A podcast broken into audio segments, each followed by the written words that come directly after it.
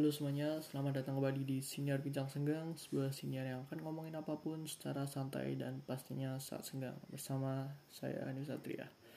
Oke, aku harap episode kali ini suaranya bisa bagus Karena aku sedang tidak pakai headset. Biasanya aku rekaman pakai headset yang ada mikrofonnya Tapi sekarang lagi nggak pakai karena rambut lagi basah Dan takutnya kalau pakai headset Nanti headsetnya kena air dan jadi rusak karena aku udah pernah pengalaman pakai headset dan kena air rusak.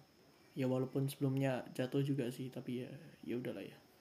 Oke di episode kali ini aku pengen ngomongin tentang sesuatu hal yang akhir-akhir ini lagi rame. Ya nggak akhir-akhir ini juga sih. 4 sampai 5 hari yang lalu lagi rame. Jadi di tanggal 16 Juni 2022 ada sebuah tweet yang sedang rame. Bahkan sampai masuk trading Twitter kalau nggak salah. Jadi, yaitu tentang maba FK UGM yang disaltiin banyak orang. Oke. Gimana kronologisnya? Ayo kita bahas. Jadi di Twitter ada sebuah tweet yang lagi rame dari akun SBMPTN Fest jadi akun main Fest gitu yang dapat retweet 408 quote tweets 2450 dan likes-nya 10600 jadi tweetnya isinya ada sebuah gambar sebuah screen capture Google Map eh, sebuah direction Google Map dari lokasinya tuh di di mana sih ini?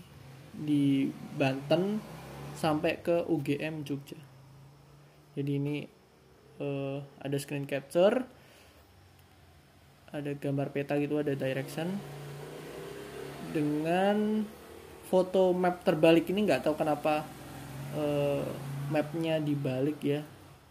Atau biar biar dari kiri ke kanan atau gimana nih atau dari kanan ke kiri.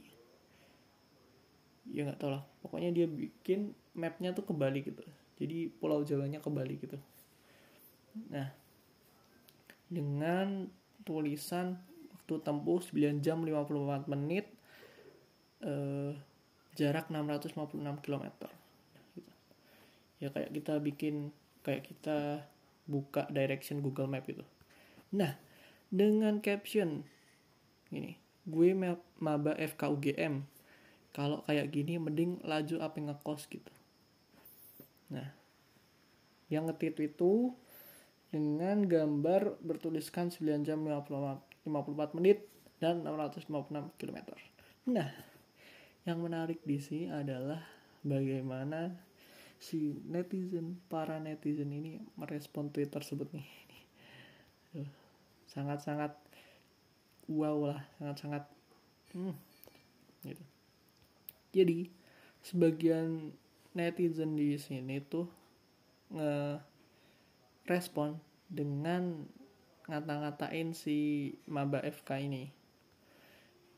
Dengan kayak gini semuanya dari akun at keren kamu keren kan keren kan you name gue. Wah masa iya sih anak FK UGM tukang caper lagi ngehalu jadi anak FK UGE ya?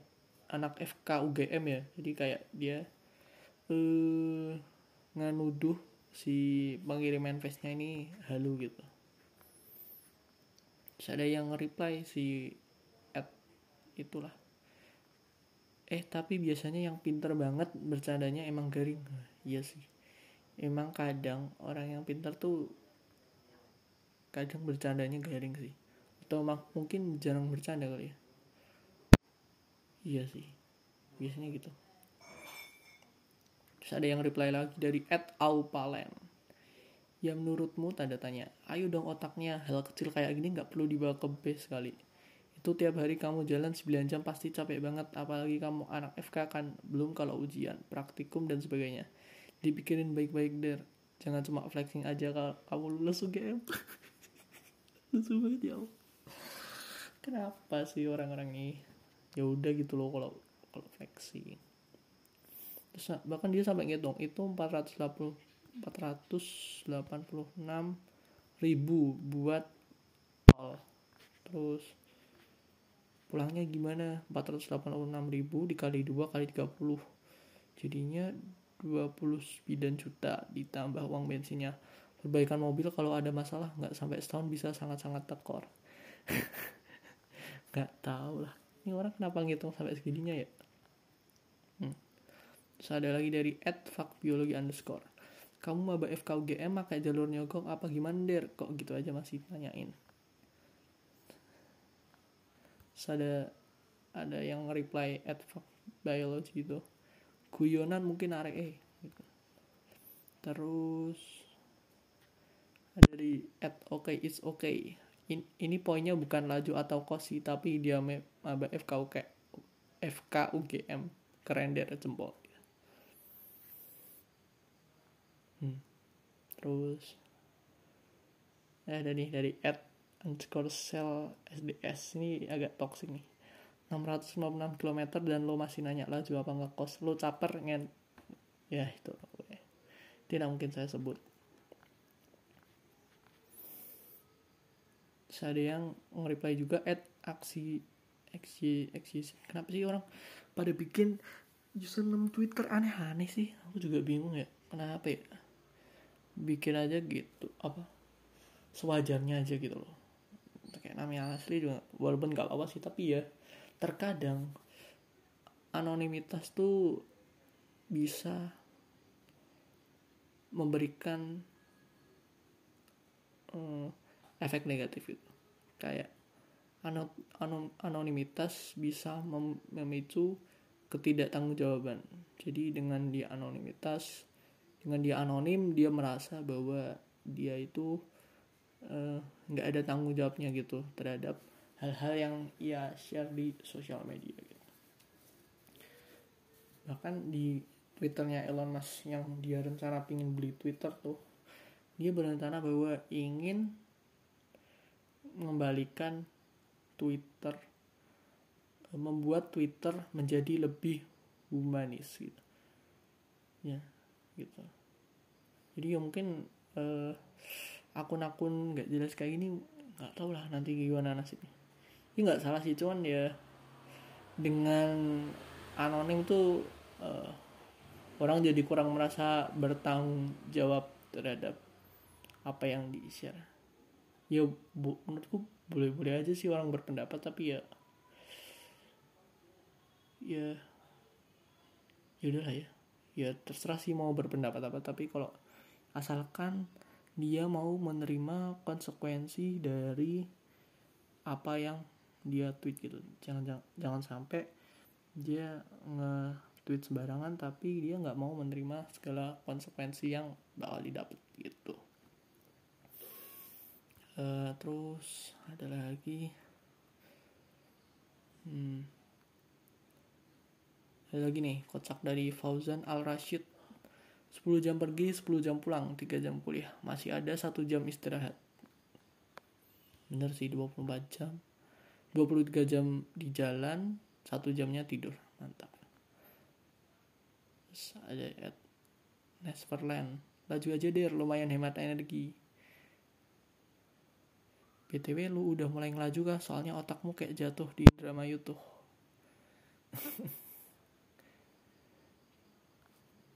Terus? Ya rata-rata sih ya pada ngatain sih caper lah flexing lah. Terus kayak nggak percaya lah masa kayak gini masuk FK UGM gitu?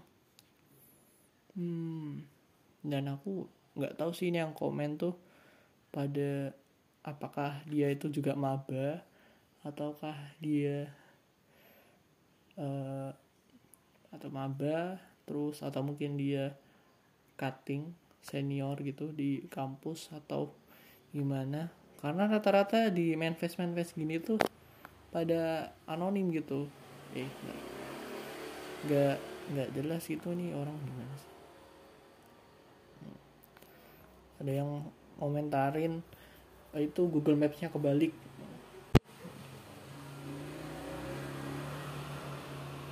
Nah itu ada yang komentarin kalau bisa tuh utaranya di bagian atas karena di gambarnya itu utaranya bagian bawah. Itu udah kaidah kartografis atau peta. Nah itu. Hmm, udah sih gitu doang sih. Ya yang aku bahas di sini adalah mengenai respon netizen ya. aku yang melihat dari berbagai macam sudut pandang untuk merespon yang satu ini. Pertama mm, semisal ya. Semisal dia beneran maba FKUGM gitu. Dan dia emang emang emang pengen ngelaju aja gitu. Emang pengen ngelaju aja.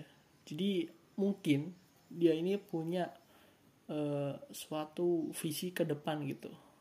Suatu visi harapan ke depan bahwa di masa depan Indonesia ini tuh bakal kayak Jepang gitu. Jadi jarak berapapun asalkan di darat tuh bisa ditempuh karena ada kereta cepat atau Shinkansen. Nah, si maba FKUGM ini tuh bisa aja ya. Dia ingin memancing uh, keributan dan nanti direspon oleh pemerintah. Nah pemerintah tuh mikir wah iya nih ada rakyatku yang mikir kayak gini kita harus segera fasilitasi. Soalnya dibikin lah jalur kereta cepat Shinkansen kayak di Jepang. Jadi ke mana pun dia di mana pun tuh bisa diakses cuman ya beberapa menit atau jam doang aja kayak di Shinkansen di Jepang. Tuh bisa aja. Kalau kita mencoba positive thinking ya positive thinking. Nah, dan kalau misalnya dia maba FKUGM dan ingin flexing terus kenapa gitu? Terus kenapa nih? Netizen nih kenapa sih? Biarin aja gitu flexing. Itu juga mungkin itu juga itu hasil dari jerih payahnya sendiri gitu dia ini nggak dijelasin sih dia uh, dari jalur dari jalur apa? Apakah SNMPTN pakai nilai atau SBM tapi ini SBM SBMPTN Fest jadi kemungkinan besar dia dari SBMPTN sih. Dan kalau dari SBMPTN Fest dah SBMPTN kacau kacau udah malam. Kalau dari SBT, SBMPTN itu berarti keren banget lah karena dia udah dapat nilai yang sangat-sangat tinggi. Terus uh, dia pasti belajarnya sangat sangat-sangat giat. Tidak efektif ya sangat-sangat. Udah sangat giat terus ya dia udah berjuang lah gitu. Dan kayak orang nggak bisa menerima kerja kerasnya gitu ya nggak apa-apa sih. Terus semisal semisal dia bukan uh, maba FKUGM tuh ada yang bilang halu terus kenapa kalau halu gitu. Terus kenapa? gitu. Ya udah gitu biarin aja orang halu dengan dunianya sendiri. Siapa tahu dengan halunya itu dia di tahun depan mencoba lagi untuk masuk FKUGM kalau kita berpikir positif. Walaupun biasanya nggak halu itu malah nggak ada apa? Nggak ada nggak ada nggak ada apa namanya? Hmm, gak ada usahanya sama sekali biasanya. Terus nah ini ini menurutku poin terpenting yang bisa diambil dari peristiwa ini sih. Ini kan maba ya. Maba tuh kan baru lulus SMA kan. Umurnya paling berapa sih? 17 18 aku pun juga pernah maba gitu. Aku semester 2 menuju semester 3 dan ini kayak adik kelas di bawahnya. Nah ya ya udah gitu. Namanya juga maba kan. Masih muda uh, habis lulus dari SMA di SMA eh, banyak main banyak main-mainnya dan uh, tau nggak sih uh, aku yang cerita dikit bahwa perbedaan dari SMA dan kuliah tuh berbeda gitu. Walaupun nanti ke depannya mungkin akan lebih berat lagi tapi menurut dari yang aku alami sekarang tuh perbedaan ini itu lebih ke arah e, perubahan pola pikir dan bagaimana cara kita menyikapi sesuatu gitu. Karena di SMA itu lingkungannya e, homogen sama walaupun ada yang berbeda tuh biasanya murid pindahan dan sistem pendidikan di SMA itu berbeda. Terus lingkungannya juga berbeda. Di kampus itu kita bertemu dengan orang dari berbagai macam daerah latar belakang suku pandangan e, prinsip adat budaya yang berbeda-beda nah keanekaragaman itu tuh akan meningkatkan pemahaman kita itu tentang cara kita berpikir, cara kita merespon sesuatu. Semakin banyak hmm, informasi yang kita terima, tentu akan bisa lebih beragam lagi respon yang bisa kita keluarkan. Nah, kalau di SMA itu kita ketemunya orang-orang sama lagi. Terus kegiatannya itu itu lagi repetitif lagi. Tidak ada tidak terlalu bebas tidak ada kebebasan gitu. Nah ya yang dihasilkan tuh cuman ya pengulangan terus uh, yang diajarkan tuh cuman bener dan salah. Dan kalau zamanku dulu sih sangat jarang ya diajarkan mengenai diskusi. Diskusi berdebat perbedaan pendapat terus hmm, uh, apa ya? Per perbedaan pendapat yang ekstrim itu yang bertolak belakang tuh sangat jarang di SMA di di SMA tuh kita diajarkan untuk uh, satu pemahaman yang sama terhadap sesuatu. Apa yang dianggap benar harus dianggap benar. Apa yang dianggap benar oleh gurunya harus dianggap benar oleh siswa. Jarang sekali ada siswa yang membantah argumen karena mungkin juga uh, budaya untuk uh, berpendapat itu berargumen ini masih kurang dan juga tidak tidak sempat untuk men, me, apa ya namanya istilahnya?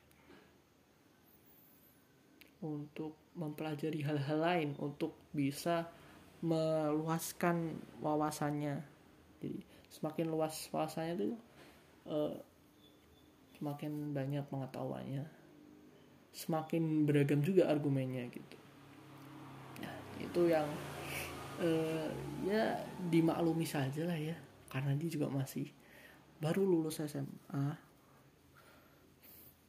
ya mungkin kita semua kita semua pasti pernah lah di di misalnya kita lebih tua dari si sender ini kita semua pastilah berada di fase fase norak-norak kayak gini entah itu SD SMP SMA pernah lah kita norak.